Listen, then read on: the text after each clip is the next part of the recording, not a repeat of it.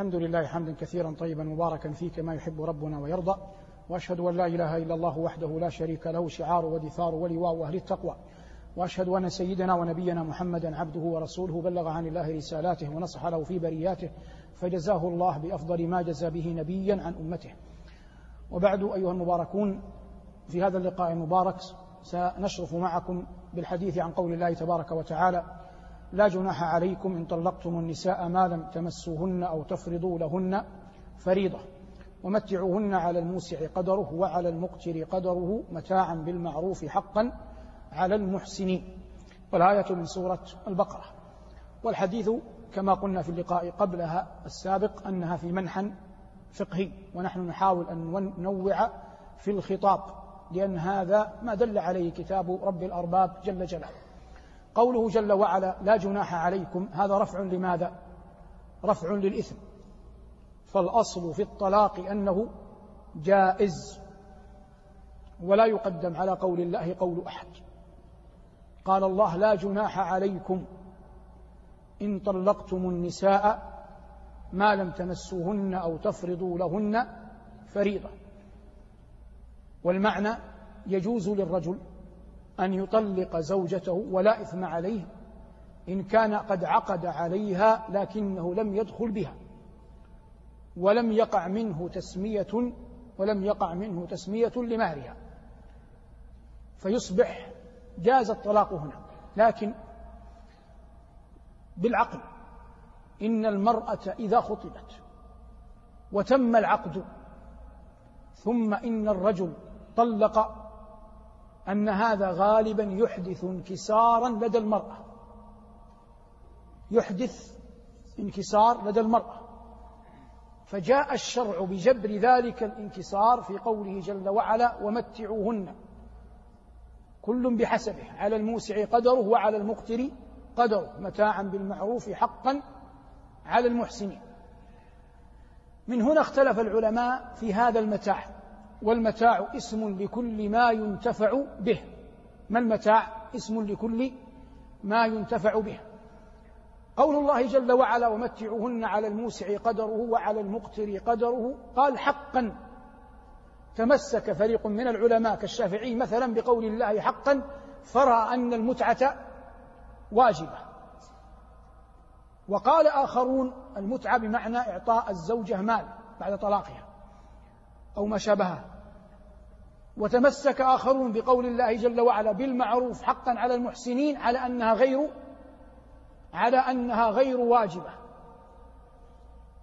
على هذا أيها المباركون اختلف العلماء في على في قضية المتاع للمطلقة على أقوال ثلاثة على أقوال ثلاثة. ذهب فريق من العلماء إلى أن المرأة المطلقة لها المتعة أيا كان حالها. سواء كان مدخولا بها أو غير مدخول بها. سواء كان سمي لها المهر أو لم يسمى المهر. وهذا ينقل عن علي والزهري والحسن البصري وغيرهم من أئمة السلف. وغيرهم من أئمة السلف. هذه الحالة الأولى وأن لكل امرأة مطلقة متاع. واحتجوا بقول الله جل وعلا في آية التخيير في سورة الأحزاب فتعالين أمتعكن وأسرحكن سراحا جميلا. فقالوا إن نساء النبي مدخول بهن ومع ذلك كتب الله لهن المتعة. هذا قول. القول الثاني إن المتعة لا تكون إلا لامرأة عقد عليها ولم يسمى لها المهر ولم يدخل عليها زوجها. عقد عليها لكنه لم يسمي لها المهر ولم يدخل عليها الذي هو تعنيه الآية. فقالوا يصبح المتاع جبرا للانكسار يصبح المتاع جبرا للانكسار. قالوا فإن فرض لها المهر فلا متعة. لما؟ لأنه إن طلقها قبل الدخول وقد فرض لها المهر لها ماذا؟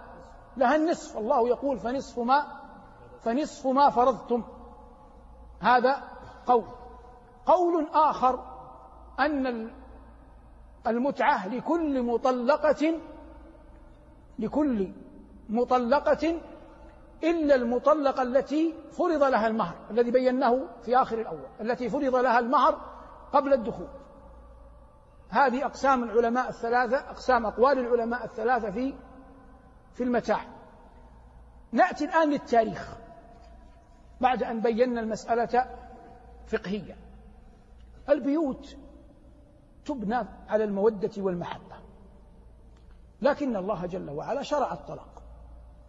وقد طلق رسول الله صلى الله عليه وسلم امرأتين قبل أن يدخل عليهما. والله يعلم كم فاتهما من الشرف أن لا يعدى من أمهات المؤمنين. وأبو بكر رضي الله تعالى عنه تزوج امرأة يقال لها قتيلة بنت عبد العزى فأنجب منها عبد الله وأسماء. إذا عبد الله وأسماء شقيقان. ثم طلقها. هذا ممن طلق من كبار الصحابة. إذا تكلمنا عن أبي بكر زيادة قليلا تزوج بعدها أم رومان فأنجبت له من؟ عبد الرحمن عبد الرحمن عبد الرحمن وعائشة. إذا عبد الرحمن وعائشة شقيقان وعبد الله وأسماء شقيقان. ثم تزوج أسماء بنت عميس. وأسماء بنت عميس كانت قبل أبي بكر تحت من؟ تحت جعفر بن أبي طالب. فتزوجها أبو بكر بعد وفاة زوجها جعفر وانقضاء العدة وأنجب منها محمدا فأصبح محمدا لا شقيق له. ثم تزوج امرأة يقال لها حبيبة بنت خارجة. ثم مات وهي حامل. وحضرته الوفاة وامرأته حامل. ثم إن ابنه عبد الله مات قبل وفاة أبيه متأثرا بسهم أصابه من الطائف في غزوة الطائف. فمات في زمن أبيه. فكم بقي من الذكور؟ اثنان عبد الرحمن ومحمد. وكم بقي من الإناث؟ أسماء وعائشة. وأسماء أسن من عائشة بعشر سنين. لكن الصديق قال لعائشة وهي يعني يأخذ يدها عند الموت يوصيها قال إنما هما أخواك فهمت. عبد الرحمن من؟ ومحمد لأن عبد الله قلنا مات وأختاك فتوقفت لأنها لا تعرف إلا أختا واحدة هي من؟ أسماء. قالت هذه أسماء فعرفتها. قال الثانية ما في بطن حبيبة بنت خارجة فقد وقع في خلدي أنها جارية يعني أنثى. ثم مات الصديق فأنجبت حبيبة جارية أنثى كما قال رضوان الله عليه صدقه الله بعد وفاته. وسميت أم كلثوم ثم إن عائشة رضي الله عنها اعتمرت بها هذه قضية أخرى لكن هذا الكلام عن عن الطلاق. وممن طلق النبي صلى الله عليه وسلم طلق حفصة ثم رجعها.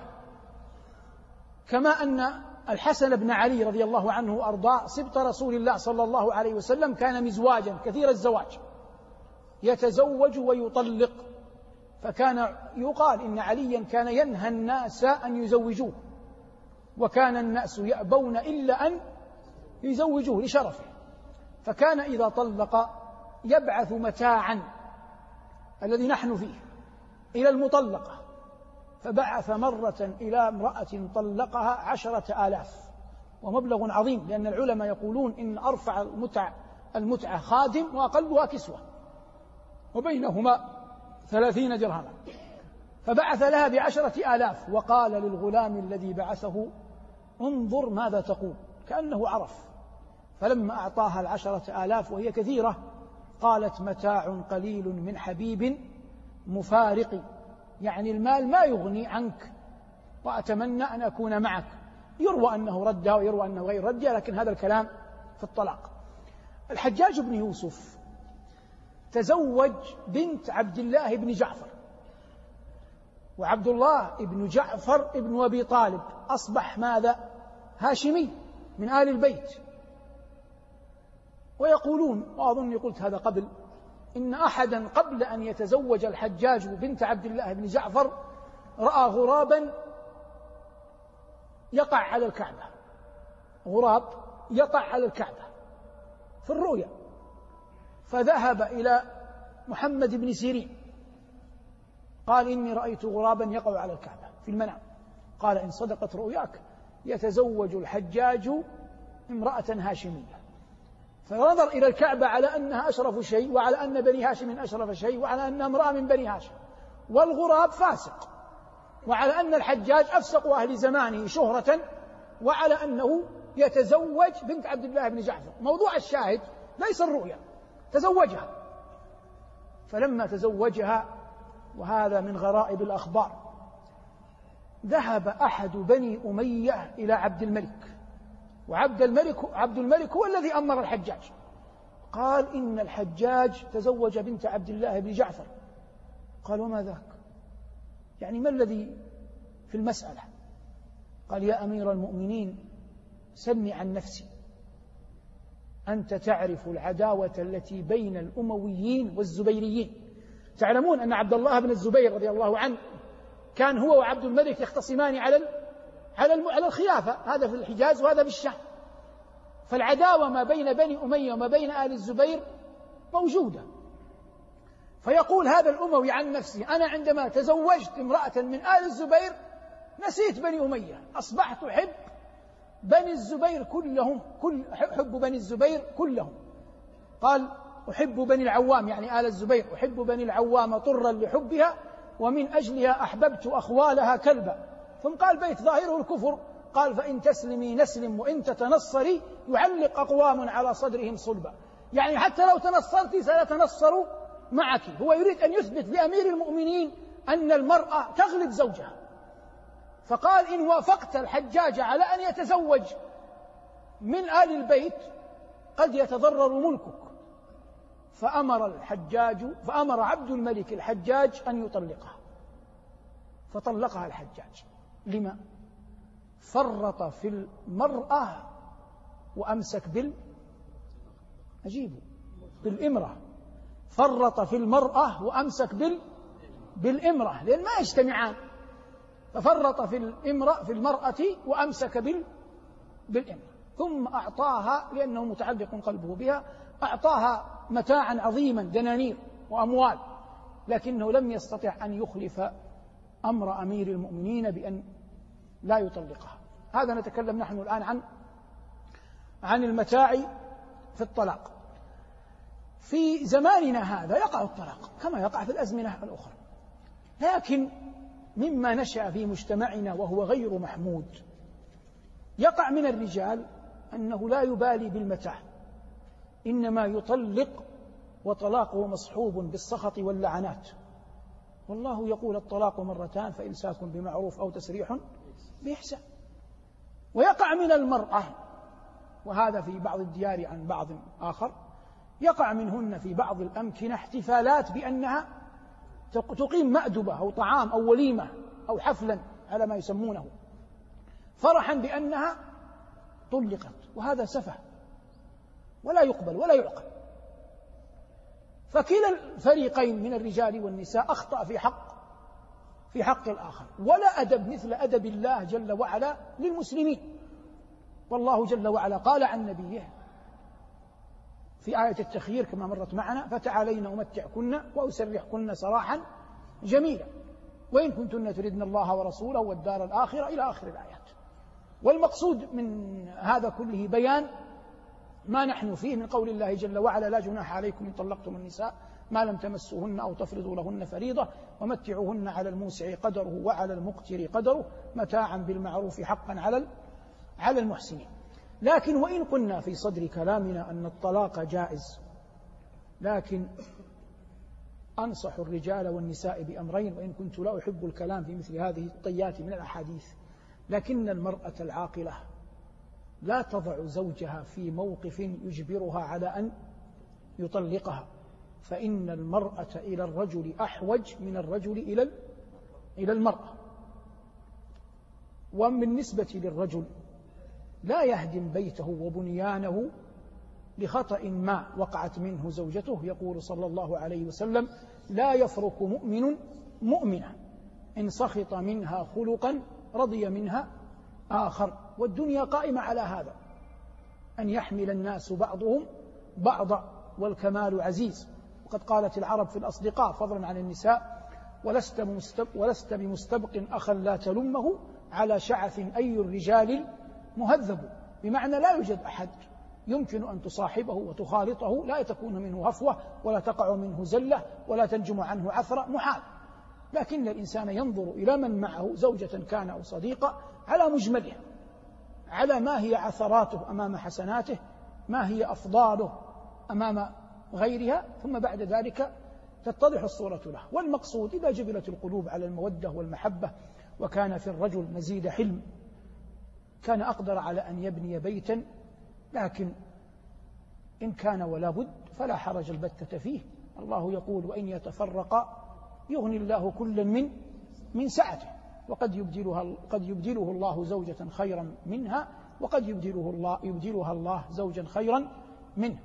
جعلنا الله وإياكم من أهل الصلاح على كل حال متعنا الله وإياكم متاع الصالحين والحمد لله رب العالمين. لو أنزلنا هذا القرآن على جبل لرأيته خاشعا لرأيته خاشعا متصدعا خشية الله. وتلك الأمثال نضربها للناس لعلهم يتفكرون.